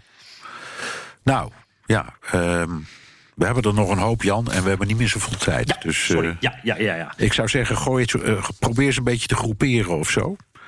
Ja, ja, ja. Pa even kijken. Taki weer 21. Die hebben we eigenlijk al een beetje beantwoord. Waardoor het nou precies komt dat iedereen zo boos wordt. Dan komen ja. we bij racisme in de VS. Jorn Lucas, ik hoorde Bernard, dat ben jij, in Nieuwsroom zeggen dat een van de meest tragische kanten aan dit verhaal is dat racistisch gedrag van politie eigenlijk aan de orde van de dag is en dat de geweldsexplosies van nu eigenlijk alleen een reactie is omdat het toevallig is gefilmd. Uh, waarom loopt het dan deze keer voor mijn gevoel zoveel meer uit de hand naar vorige keren? Ja. Uh, Jorn, ja. Jorn Lucas kent Amerika heel goed, want hij heeft als jongetje gewoond. Dus, uh, ook in Washington. ja, ja, ook in Washington. Dus die weet waar hij het over heeft. Uh, en die let dus heel goed op en kijkt en luistert goed. Uh, maar we hebben het daar een beetje over gehad. Het, het, is, het, het is nu langer en misschien wat misschien hevig. Maar het, het is niet. Ik geloof niet dat het meer uit de hand loopt dan in het verleden. Alleen de reactie van de president is merkwaardig. Maar wat jij net vertelde, dat je je onveilig voelt, zowel bij de politie als soms ook bij de demonstranten, ja, dat is ook van alle dagen. Want wij zijn ook een beetje de vijand. Wij verspreiden het woord. Bovendien, wij hebben ook een wit huidje. Moet je, moet je, ook, moet je ook niet onderschatten hoor. Dus we zullen wel bij de verkeerde kant horen. Speelt allemaal een rol. Ja, ja. En, en, het is inderdaad. Het, het, het, we zien het nu veel meer. Ja, en het is inderdaad tragisch dat die, de, de, politie zo racistisch is. En dat blijft maar. Ze doen er niks aan. Ze zeggen wel dat ze doen, maar ze doen het niet. Hey, dan komen we eigenlijk meteen bij Dirk eh, Kwakkel zijn vragen aan. Uh, aantal basale vragen. Het politieapparaat lijkt nogal anders dan uh, in Nederland. Hoe lang is de politieopleiding in de VS? Waarom hebben ze zoveel militair materiaal? Wat is de etnische verhouding binnen het korps? Ja. Is er spanning binnen het korps? Ja, allemaal ja, ja, ja, ja. Er is zeer veel spanning. Nee, het is zo. Er is heel veel spanning. Er is een programma om inderdaad minderheden op te nemen in de politie en macht. Die zie je ook. Jij zult ze in Washington ongetwijfeld ook ja. zien. Je ziet mensen met 40% is een minderheid. Ja, precies. Nou ja, Hoeveel? 40 procent ja. heeft een kleurtje. Ja, maar in Washington is geloof ik iets van 80 procent is zwart van de bevolking. Dus dat, dat, dat vertelt ja, het verhaal al een beetje. Dus die verhouding klopt niet. Uh, de politieopleiding uh, in de VS. Ze hebben, je hebt de Police Academy. Dat duurt geloof ik een jaar of anderhalf jaar. Uh, en dat scheelt niet zo heel veel met de Nederlandse opleiding. Die is, je hebt de, de simpelste is ook anderhalf jaar. Uh, de filosofie van de politie is wel totaal anders. Die is net als in Frankrijk bijvoorbeeld, die gaat totaal uit van repressie, intimidatie en repressie. Dus je moet intimideren en dat doen ze door keihard te gillen en bevelen te roepen. En je op de grond te smijten en deuren in te trappen. Dat is heel bewust, wordt dat zo gedaan. Mm dat heeft natuurlijk ook te maken met het soort van verdachten. Je hebt veel mensen, meer mensen die zijn eh, bewapend. Maar goed, dat is heel anders dan diametraal tegenovergestelde daarvan is de Britse politie. Waarvan een groot deel zelfs nog steeds tot de huidige dag geen wapen draagt. Mm. Omdat ze zeggen, onze taak is vooral om, ik zal maar zeggen, om dingen te sussen en uit te praten en, en de zaak niet op het spits te drijven. Uh, dus en, en Nederland zit er een beetje tussenin. Uh, Nederlandse politie zal het in het algemeen ook eerst proberen langs de weg van de redelijkheid. Jongens, hou hier eens mee op. Uh, en in Amerika niet. Daar gaan ze eerst. Uh, nou, je hebt het zelf meegemaakt. Ja, daar, ja. daar, daar komt de traangas heel snel. En ja, en die, en die, die, uh, die tanks en die uniformen, dat is ja. tamelijk recent. En dat is heel bewust gedaan om het, om het intimiderend vermogen van de politie te vergroten. Dus ze hebben en de politie uit, een- ze hebben ze uitgerust met krankzinnige wapens. Als je die dingen ziet, ja, dat, dat, dat, dat, eh, dat kun je, dat, die zie je in Afghanistan. Die hoor je niet te zien in de straten van Washington. Precies. En, en ook dat die, is het ook letterlijk, hè? Want het is een beetje recycling ook. Ja, is Het ook. eh, Is het ook. vaak Daar komt ook uit het leger. Ja, en, die, en, zo, en zo'n zo'n zo'n zo'n politieagent, als hij echt goed bewapend is, je weet niet wat je ziet. Dat is, eh, dat is inderdaad het heel bewust voor gekozen. Ja. Eh Tiziana, ik hoop dat ik het goed zeg, ter haar. eh keert de politie ook eh, zich tegen de, eh, de, de, de dader, zeg maar, de Ja. agent die dit gedaan heeft? Ja, geluk- gelukkig wel. Daar hadden we het al in, in het radiogedeelte over. Er zijn gelukkig ook heel veel agenten die knielen voor de demonstranten. Commissarissen die arm in arm gaan met demonstranten. Eh, en in het geval van Minneapolis ook collega's die eh, eh, boos zijn. En in elk geval justitie dat heeft ingegrepen. Onmiddellijk arrestatie, beschuldiging van moord. Nu ook de anderen die daarbij stonden zijn nu ook in staat van beschuldiging gesteld. Ja, dus justitie werkt gewoon. En ja, het komt nu door een filmpje, maar hoe het komt, komt het. Uiteindelijk kun je zeggen, ehm, er wordt wel degelijk iets gedaan. Alleen, het helpt niet. Ik bedoel, eh, de, de volgende keer gebeurt het in Miami of in Boston of waar dan ook. En dan is het weer mis. Dat is het erge. Ja. Ja, er zitten ook een paar structurele problemen waardoor het moeilijk is aan te pakken. De, de, de macht van vakbonden bijvoorbeeld, maar ook, ook cultuur binnen eh, Ja. bepaalde politiedepartementen. Waardoor het heel moeilijk is om eh, agenten ja, te- straffen, te Ja, disciplineren. dat heet de Blue Code. ja, is ook een dat woord is een soort omerta. Of hoe, Omerta, ja, hetzelfde. ja. Dus ze vallen elkaar nooit af. Hey Bernard, dit vind ik echt een eh, hele interessante van Arnoud Lipman. Want daar heb ik mezelf ook eh, over verbaasd. Kunnen jullie wat vertellen over de dubieuze rol van William Barr... die de rechten van de DEA, zeg maar een beetje de Amerikaanse antidrugs-eenheid... aan het uitbreiden is om op demonstranten eh, te tracken. Eh, dus eh, telefoondata verzamelen. Ja. Ehm, ik, ik zag eh, net nog een bericht dat eh, William Barr, die heeft, eh, de minister, die heeft een soort commandocentrum in Chinatown hier in de binnenstad, waarin hij dus alles in de gaten houdt. En inderdaad, de DEA, eh, we hebben in het radiogedeelte al verteld... ah, is hier een lappendeken aan allerlei verschillende diensten in uniform die op straat staan. En die DEA, die eh, zich normaal dus met drugsproblemen bezighoudt... Die, is, ja, die wordt nu ook ingezet om railschoppers te vinden. En dat mag ook door middel van geheime surveillance. En eh, dat is ja, wel heel bijzonder, want daar gaat die dienst natuurlijk normaal helemaal niet over. En eh, wat ik zelf ook heel raar vind erin, Bernard... Trump die zegt zelf, eh, Antifa doet dit... eh, die, die, die, ja, het is niet echt een organisatie, dus dat is een moeilijke. eh, eh, maar dat is een heel ander verhaal. Eh, maar Trump zegt het is antifa, dat is terrorisme. Dan denk ik, daar zijn toch hele andere agentschappen voor om Ja. dat te onderzoeken. Ik denk dat er iets anders achter is. Ik denk dat Barr van de gelegenheid gebruik wil maken... met ongeveer de volgende redenering. Dit is allemaal schorrimorrie. Dit is allemaal tuig. En daar loopt dus ook heel veel aan drugstuig tussen. Dus als ik het ene, het ene bestand over het andere heen leg... dan heb ik zomaar een hele vette vangst voor het ministerie van Justitie. Ik denk dat het zo simpel is. Ah, twee vliegen in één klap. Twee vliegen in één klap. En het was ook, misschien herinner je je dat toen de coronacrisis echt goed toe ging slaan in, in, in eh, Amerika, dat Trump op een bepaald moment zei dat hij eh, marineschepen naar de beide kusten had gestuurd op zoek Ja. naar eh, drugssmokkelaars, omdat door die coronacrisis en het isolement de drugstoevoer toenam. Dat klopt, ja. Dus die zei, ik ga dat niet accepteren. En daar is toen, toen vroeg ook iedereen zich af, wat is er aan de hand? Maar hij had gewoon gelijk, joh. Ja, ja. En dat was ook, dat leek mij ook, een- dat leek, dat leek mij een legitiem middel. De vraag is of dit legitiem is, maar ik ben geen jurist en ook geen eh, grondwetsdeskundige. Maar ik denk dat dat erachter zit. Ja, ja oh, dat is een hele interessante. Dat zou heel goed kunnen, inderdaad. Eh, laten we eens naar de Republikeinen kijken. Eh, Marco eh, Achterreekte die vraagt zich af... wat is de strategie van de Republikeinse Partij na Trump?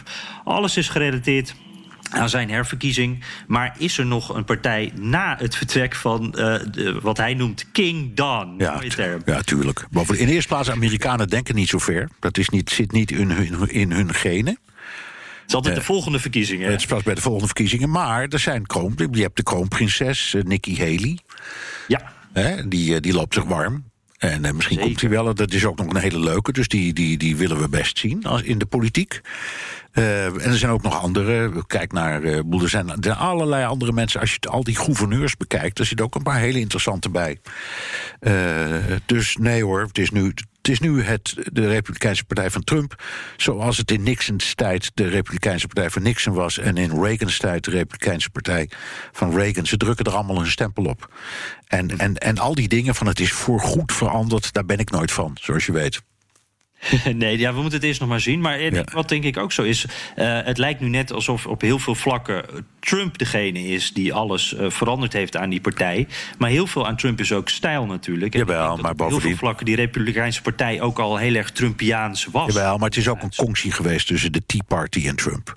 De Tea Party, Precies, de tea party dus, laten we zeggen, de, de, de, de, de, de rechter, zeer religieuze flank, die zat op een gelegenheid te wachten en die heeft hij gepakt. En dat is in de tijd van Reagan ook gebeurd. Die heeft een conctie gesloten met, ook met de evangelische beweging... waardoor hij de verkiezing heeft gewonnen. En Trump doet net zoiets en die moet dus leveren. Dus vandaar dat een ongelovige met een bijbeltje voor een kerk gaat staan. Dat doet hij alleen maar daarom. Zoals afgelopen maandag. Ja. ja.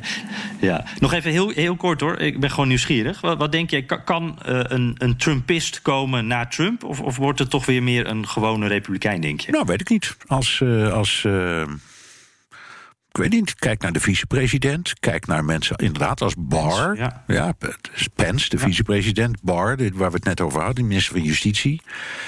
Ja, dat zijn allemaal Trumpisten. En dat zijn, dat Pompeo? Zijn, Pompeo. Het zijn hoogbegaafde, intelligente, sluwe, handige politici. Dus ja, zou best kunnen. Nou, ja. uh, Daan Visser, zou het kunnen dat deze rellen in het voordeel van president Trump uitpakken? En is dat ook in het verleden voorgekomen een soort gelijke rellen? Ja, dat is natuurlijk ja omdat het grootste. Kijk, die, die, er zijn maar 13% zwarte. En de rest van Amerika is of Latino of iets anders. Maar het grootste deel is, is wit. En onder, dat, onder die witte bevolking zit een hele hoop racisme. Gewoon ouderwets keihard racisme. Die hebben een hekel aan zwarte. En als je dus een president hebt die er hard op mapt. Ja, dan krijg je dat effect. Ik kan het niet mooier maken dan het is. Dus, En dat is in het verleden ook gebeurd. Als je hard optreedt bij demonstraties, dan krijgt het gezag krijgt respect. Uh, Wel iets moeilijks hierbij, uh, de, denk ik, voor Trump, uh, Bernard, is dat vaak bij verkiezingen het, de nieuwe kandidaten zijn die de, voor, die de zittende president daarop aanvallen. toen Nixon met Law and Order kwam, was dat gericht op de president Forum ook. Trump is de zittende president, dus hij belooft Law and Order. Maar hij is ook degene die het heeft laten gebeuren, deze rellen, zou je kunnen zeggen, even in de verkiezingsretoriek. Hoe, hoe, hoe denk je dat dat. Oh, je bedoelt als hij, als, hij, als hij eenmaal afzwaait en wordt opgevolgd? Want dat, dan zou het pas spelen. Ik bedoel meer. Nee, ik bedoel meer, uh, uh, je hebt vaak uh, de, dat een nieuwe kandidaat komt en zegt van... nou, die oude, onze huidige president, die, die heeft het een beetje... dat was, een, was maar zwak, was maar een beetje... Ja, maar dat zit hem dan ik toch vooral... Ja, maar dat is vooral in de oppositie. Dat zijn argumenten waar de democraten mee kunnen komen. Maar ik mhm. denk dat een republikein die, die kandidaat wordt als het Trump-tijdperk uh, afloopt dat hij altijd twee dingen zal doen. Zeggen, ik ga het compleet anders doen... maar ik kijk met respect terug op wat deze man voor het land heeft gedaan. Dat wordt de verkiezingsslogan. Ja, oké. Okay. Uh, Dirk Kwakkel. Trumps tactiek is steeds rallying the base. Ja, hij heeft het altijd over zijn harde kern. Hè? Ja. Maar zijn harde militaristische, niet verbindende toon activeert, ook de tegenstem. Volgt hij niet een heel risicovolle strategie? Ja, daar zit een risico aan, natuurlijk. Dat, natuurlijk zit er een risico aan, maar tot nu toe werkt het. Uh, ja. Dat is het antwoord. Maar er zit een risico ja, maar aan. maar hij is, hij is dat iemand. wordt wel steeds smaller. Hè? Dat is ook zo. Basis, maar ja, dat is, is ook wel zijn stijl. Hij gaat echt tot het randje. En dan, en dan hoopt hij dat de bal naar hem toe komt in de wedstrijd. Maar hij neemt inderdaad een risico hoor, dat is zeker. Hm. Uh, even kijken, Jeroen Huisden. Uh, is dit nou het keerpunt in de presidentscampagne? Uh, ja, dat is altijd de moeilijke, hè? Ja. Het is wel een soort cascade wat we nu zien. Hè? Het, het, je hebt eerst die coronacrisis, waar, waar ook een uh, economische crisis uit voortkwam. Dat is vervelend voor de zittende president. Aantal werklozen neemt toe. Uh, dan krijg je dit er nog overheen, het leger in de straten. En, maar je hebt ook een, een president die een Houdini is. Zeker. Maar uiteindelijk gaan we kijken naar de economie. Ehm, die is er dramatisch aan toe. En er zijn twee scholen. De een zegt ja, dat is zo, maar we komen daar wel weer uit. En daar hoort Trump ook bij. Dat gelooft hij ook echt hoor, denk ik. Mhm. En er zijn mensen die zeggen: you, you ain't seen nothing yet. Dit, dit gaat jaren duren. Als dat zo is, dan is dit eh, het keerpunt geweest in zijn eh, campagne, denk ik. Ja. Want dan zegt ook de, de, de Trumpist: ja, zeg.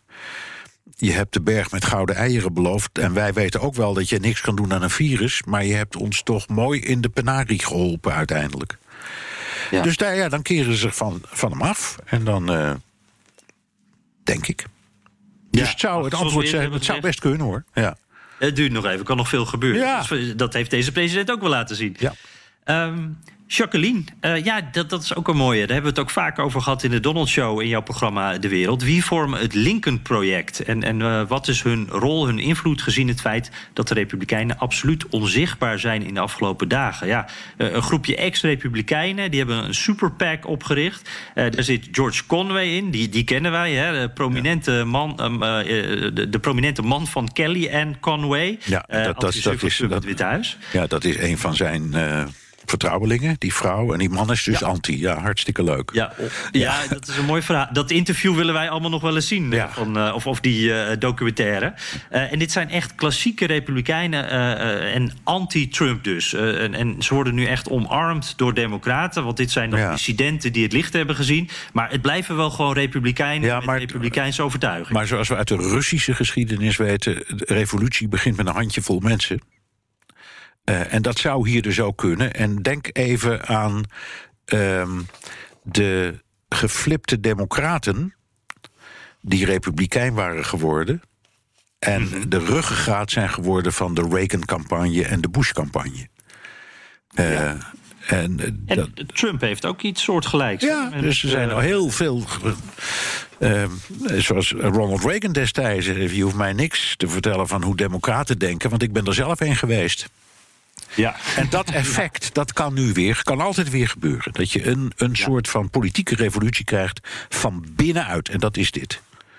Ja, en, en die, die Conway en, en ook Rick Wilson, die zit er ook in. Dat, eh, die zijn heel luid op Twitter. En die campagnespotjes, eh, daar zijn ze nu ook echt bekend om geworden. Die zijn echt slim. Hè? We hebben het wel eens over Morning in America gehad. Ja. En die worden dan uitgezonden, precies als, Fox of, of als Trump naar Fox kijkt. eh, met de tweets. En, en zo kunnen ze met een klein budget toch misschien grote invloed hebben. Ja.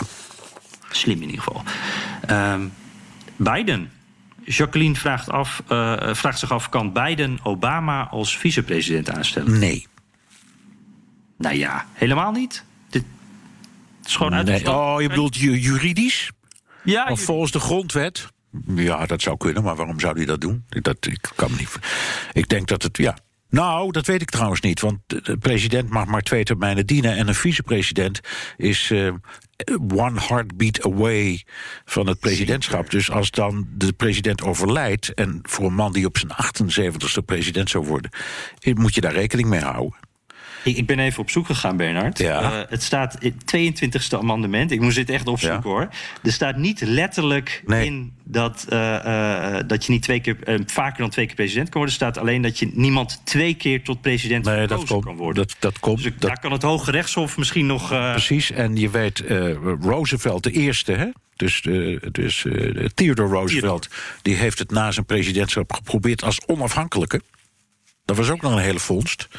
Ja. En je had natuurlijk zijn neef, FDR, die, eh, die drie keer is gekozen. ja, Dus ja, Dat, eh, en daarna is, het, eh, vooral, is dat 22e amendement ook, eh Precies, ook ja. Eh, eh, ja, en, maar jij begon eigenlijk met een nee ook hard, want Obama gaat het ook niet Nee, doen, tuurlijk toch? En Michelle Obama ook niet. Nee, die hebben er helemaal geen zin in. Nee. Ivar Wiegerink zal Bidens running mate, zodra die bekend is, de lead nemen in de campagne om Bidens zwakke optredens te verbloemen. Ja, ik hoop van wel, Ik want daar, daar is een running mate voor. Die is om. En eh, die is- Biden heeft het ook wel nodig, hè? Ja, die heeft het nodig. Die heeft een krachtige vrouw naast zich nodig. Want dat hebben ze besloten. Dus ja, ik hoop van wel. Dat zou ook heel goed zijn voor die campagne. Ja, ja, denk ik ook. Dat, uh, dat, dat, is, uh, dat geeft de energie die ze ook wel nodig hebben, denk ik. Uh, Jeroen Huistens, in het verlengde daarvan... betekenen al deze ontwikkelingen nu niet gewoon... dat Joe Biden gaat kiezen voor Kamala Harris ja, dat, dat running mate? Wij roepen dat steeds tegen elkaar, ook al. ik, ja. ik, ik denk dat zij het wordt, maar we zullen het zien. Ik weet het echt niet. Dus Nee, net, er is een com comité aan de gang, een voorbouw, een heel benoemingscomité. Ja, nou. Wij vinden haar allebei echt een sterke kandidaat. Ja, een sterke uh, kandidaat. Ik hoop dat ze het ja. wordt. Ik denk dat ze voor die campagne veel kan betekenen. Het wordt interessant voor ons om er naar te kijken, hè, want dat is voor ons toch de grap. Het ja, aanschouwen zeker. van deze strijd. Ja, en ik denk dat Jeroen dit ook zegt omdat uh, Harris ook een, een, een, kleurtje heeft. En dat zal in dit geval uh, helpen, denk ja. ik ook wel. Haar zeker, zeker, zeker. India, vader uit Jamaica. Ja. Maar het is ook gewoon op zich, uh, zeg maar, echt haar, haar, Ze is gewoon echt een hele sterke kandidaat. Zeker. Dus dat is haar kwaliteiten tellen vooral. even kijken. Nou, we zijn er bijna, Bernard. We gaan er lekker doorheen. Gijs DB. In een aantal staten waar met grote getalen wordt geprotesteerd... zijn nog lockdowns van toepassing met regels omtrent afstand en mondkapjes... en wordt er flink op gehandhaafd. Nu lijkt de handhaving echter niet meer opportun. En ik hoor er ook niets over. Wat is jullie ja, mening? dat is zo. Als je om je heen ja. kijkt, al die beelden ziet, die dingen waar jij... Heb jij anderhalve meter afstand gehouden tijdens, die, uh, nee, tijdens jouw werk? Nee, nou, ik bedoel maar. Kan niet, Bernard. Nee, dat is, ik sta dat, wel met een mondkapje op en veel mensen om me heen ook. Ja, maar, die ja, afstand, maar daar, nee. heb je, daar heb je het antwoord. Uh, ja, precies. Ik ben, ik ben blij dat het in de buitenlucht allemaal is, maar ja. ik, uh, ik, maak me daar ook wel zorgen ja, om. Maar dat is, uh, ik ben ook benieuwd of er nu een piek komt over drie weken. Want daar zullen we het aan kunnen zien. Ja, want je ziet het ook. Uh, trouwens, uh, er wordt ook met hand sanitizer rondgelopen. Er zijn echt mensen wel mee bezig. Maar heel veel uh, de, de andere mensen lopen zonder mondkapje rond, raken ja. elkaar gewoon aan. Ja, ja het is en, wat, en, en, schreeuwende mensen, hè? Denk erom. Dus ja. iedereen die roept, ja, dat, dat zijn de gevaren. Dus ja, we ja. zullen het zien. Over drie weken weten we het. Ja, trouwens, daar zit ook goed nieuws. Als er, als er weinig gebeurd blijkt te zijn in het verloop van de ziekte, dan is dat ook heel goed nieuws. Ja, dat is waar. Dat de, is waar. De, de, ja, die discussie ja. hebben we hier ook over die uh, rel over de bijeenkomst op de Dam met Femke Halsema, met veel te veel mensen. Ja. Waarvan iedereen denkt, ja, dat kan, dat, kan, dat kan een ramp worden. Maar het kan ook goed aflopen. Als blijkt dat er niet of nauwelijks iets is gebeurd, ja, dan hebben we goed nieuws. Toch? Ja. ja. Nou, Amerika wordt vaak een, een groot experiment genoemd. Zo is het. Uh, in dit geval dus ook. Ja. We zullen het zien. Okay. Hey, ten slotte, ik vind, dit is wel een, een mooie, een klassieke. Uh, Boeta of Bouta, dat weet ik niet. Uh, excuus als ik het verkeerd zeg. stel Bernard, als, als jij Amerikaan zou zijn... als wij Amerikanen zou, zouden zijn... op wie zouden we dan stemmen in november? Ja, um, ik zou ongetwijfeld op Joe Biden stemmen omdat ik, niet, niet omdat ik zo'n aanhanger van Joe Biden ben, maar omdat ik er niet aan moet denken dat ik mijn steun zou geven aan vier jaar Trump. Uh, terwijl ik wel denk dat hij gaat winnen. Dus uh, ja, het zou niet veel uitmaken. Maar ik kan er moeilijk om liegen, Jan. Maar Bernard, ik ken jou als uh, uh, onafhankelijk. Jij Zeker. Denkt hier heel hard over na. Jij bent hier, hier heb jij ook heel veel over Ja, maar ik heb, een hekel, ik heb een hekel aan mensen die zeggen... als je me vraagt wat stem je of wat ga je stemmen, wat zou je stemmen... om dan geen antwoord te geven. Ja. Dus als Boeta tegen mij zegt of wie zou jij stemmen als je mocht... nou, dan krijgt hij antwoord. Ja, zeker. Maar is er nou ook de laatste periode iets gebeurd waardoor je uh, gesterkt bent hierin? Uh, heeft uh, de laatste weken heeft dat invloed gehad? Of is dit iets breder getrokken? Wat nee, veel het, Nederlanders nee, het heeft het dichter bij ons staan. Nee, het heeft invloed. Ook wat er nu is gebeurd, ook de corona-aanpak heeft invloed. Dat ontzettende tekeer gaan tegen zijn eigen volk, zijn eigen gouverneurs. Dat, heeft mij, dat maakt mij bitter. En het totale gebrek aan passie op het moment dat er zoiets naars gebeurt in de samenleving als dit, een rassenvraagstuk, om je er dan van af te doen met één zinnetje. Ja, dat is voor mij toch een soort van schakelaar die omgaat. Ik zeg dan, sorry, maar dan, ik, kan, ik zou dat nooit kunnen steunen. Mm -hmm. nou, en jij? Duidelijk. Ik, ja, ik, ik, ik, ten eerste, ik zou denk ik niet stemmen. Uh, ik heb de laatste keren ook niet in Nederland gestemd. En ik ben er een beetje mee gestopt. Dat is, omdat ik ook het gevoel. Ik vind het heel fijn om uh, langs de zijlijn te staan. En, en daar gewoon ah, okay. niet te veel bij betrokken te zijn. Nee, dat is een beetje flauw, weet ik ook wel zeggen. Nee, nee, nee, nee. Ik vind het mijn maar, burgerplicht om wel te doen. Uh, ja. maar het is jouw burgerrecht om het niet te doen. Maar ik moet. En, en weet je wat ook die situatie in Amerika. Het is zo gepolariseerd. Je wordt zo gedwongen om een keuze te maken. Ik wil echt proberen daar weg van te blijven. Maar tegelijkertijd op dit moment, ik prijs me gelukkig dat ik een Nederlander ben. Het sociaal vangnet, de voorzieningen in Nederland, helemaal met corona. Uh, Amerika is een fantastisch land. En, en, misschien juist door die grote tegenstellingen en, en, en dat het in sommige opzichten nog het Wilde Westen is, uh, blijkt nu ook wel weer. Uh, ik zie ook dat in Nederland heel veel dingen beter geregeld zijn. En ik denk dat op dat punt dus een, een iets socialere ja. kant dat is best voor mooi. de samenleving, daar Ja. sta ik ook wel achter. Ja, tuurlijk. Ja. Maar goed, dan ga ik je vragen wat je zou stemmen als je in Nederland zou stemmen. Dus die, die kant gaan we niet op, want ik kom, met, je, vraag, ik kom met jou geen, ik kom geen meter verder. Nee, precies. Maar we zijn nu wel lekker met eh, een bruggetje daarbij in Nederland aangekomen. En we eindigen altijd. eh, dank trouwens, eh, ik vergeet dat helemaal te zeggen. Dank voor al die mooie vragen. Want ze waren echt heel erg leuk. En, en we hebben volgens mij bijna alles kunnen doen nu. Super divers qua vragen en, en, en ook origineel. Ehm, dus dank daarvoor. En blijf ze ook sturen voor de gewone podcast. En ja, we eindigen met iets Nederlands. Eh, waar wil jij het over hebben? Ik wil het graag hebben over ons. Want waar we het al over hebben, over ons als journalisten. En de, de aanleiding is een beetje ja, wat er nou gebeurd is eh, met die steunbetuigingen en demonstraties. Inclusief die rel met Femke Halsema uit het Museumplein. Ehm, Daar wordt ontzettend veel over gediscussieerd in de media. En jij en ik, we hebben het nu allemaal over reacties, eh, vragen van luisteraars. Maar we krijgen ook, ook heel veel reacties. En sommige mensen zeggen: wat zijn jullie idioot pro-Trump? En anderen roepen: wat zijn jullie stelletje smerige Trump-bashers? Ehm, bijvoorbeeld, we hadden nu een reactie van eh Elko Bush of Bush, ik weet niet hoe je het uitspreekt. Die noemt jou en mij een fake machine. Eh, Daan de Groot in Roemenië. Die kan niet wachten tot onze volgende podcast online staat. Dat zijn hele leuke dingen, maar ik vind zo'n moment als dit ook wel iets om even in de spiegel te kijken. Hoe doen wij het? Hoe verslaan wij? Hoe objectief zijn wij? Hoe betrouwbaar zijn wij?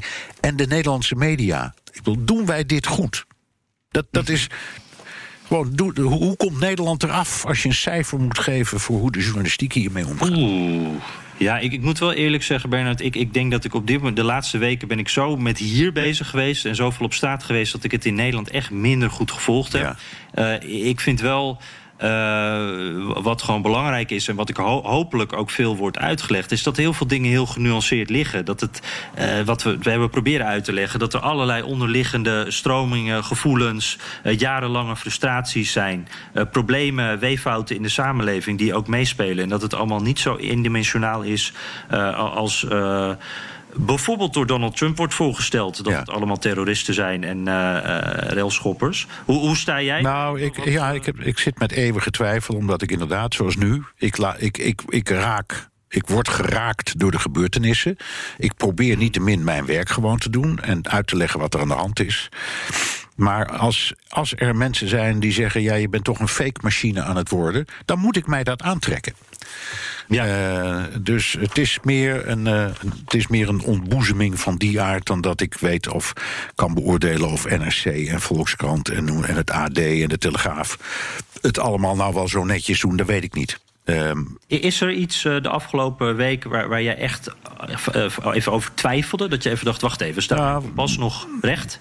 Nee, nou, nee, niet specifiek, maar wel ehm, dat zoals in de tijd van Obama heel Nederland automatisch achter Obama stond en de NOS zelfs alleen de democratische conventie versloeg en niet de republikeinse. Dat vond ik echt, voor mij was dat echt een, een dieptepunt in de Nederlandse journalistieke geschiedenis. Ehm, zo moeten wij ook uitkijken dat we in situaties zoals deze niet eh, te veel ehm, ja, colle- collectief gaan zitten hopen dat die man eh, wordt vermoord of verdwijnt of het niet haalt of niet wordt herkozen. Zonder respect te tonen voor degene die hem kiezen en herkiezen. Dat is voor mij steeds Ja. het dilemma. Ja, En ik hoop, ik, hoop, ik hoop dat we dat goed doen en dat die, dat die mensen begrijpen eh, dat we, dat we ze zien. Maar ik vind het bloedmoeilijk. Ja, ja, nee, zeker. Even een klein dingetje trouwens, want ik was toevallig in 2008 eh, eh, zat ik voor de NOS eh, in Washington. En het, ik weet nog dat het, het nieuwsteam, zeg maar, dat was wel bij beide conventies. En volgens mij heb jij het over de speciale live-uitzendingen Ja. die, ik denk de NTR of in ieder geval de publieke omroep deed. Maar dat was niet het, het journalistenteam wat hier in Washington zat. Nee, oké.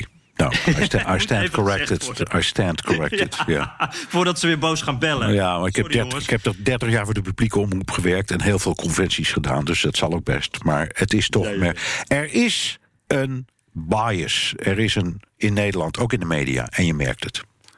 Dat vind ik wel. Nou, goed. Daar is het laatste woord nog niet over gezegd. Uh, maar voor nu eventjes denk ik wel. Uh, want uh, deze extra aflevering en ook extra lange aflevering, Bernard... ik zit al zo lang met een leeg koffiekopje hier aan mijn keukentafel. het is weer voorbij. Terugluisteren kan via de BNR-site, Apple Podcasts, Spotify. Heb je vragen of opmerkingen? Of kritiek of complimenten, dat kan ook. Met een tweet naar Jan Posma USA of at BNR De Wereld. Of heel ouderwets met een mailtje naar dewereld.bnr.nl. Nou, en als je nu nog luistert, uh, gefeliciteerd. Dan heb je toch maar weer uh, gered. Uh, deze extra lange versie van de Amerika-podcast. hartelijk dank voor al jullie vragen. laat ook die recensies en vragen gewoon lekker komen. Vinden we heel erg leuk. laat ook even weten hoe je naar ons luistert en waar. En ik zou zeggen, dank voor het luisteren. Tot de volgende keer.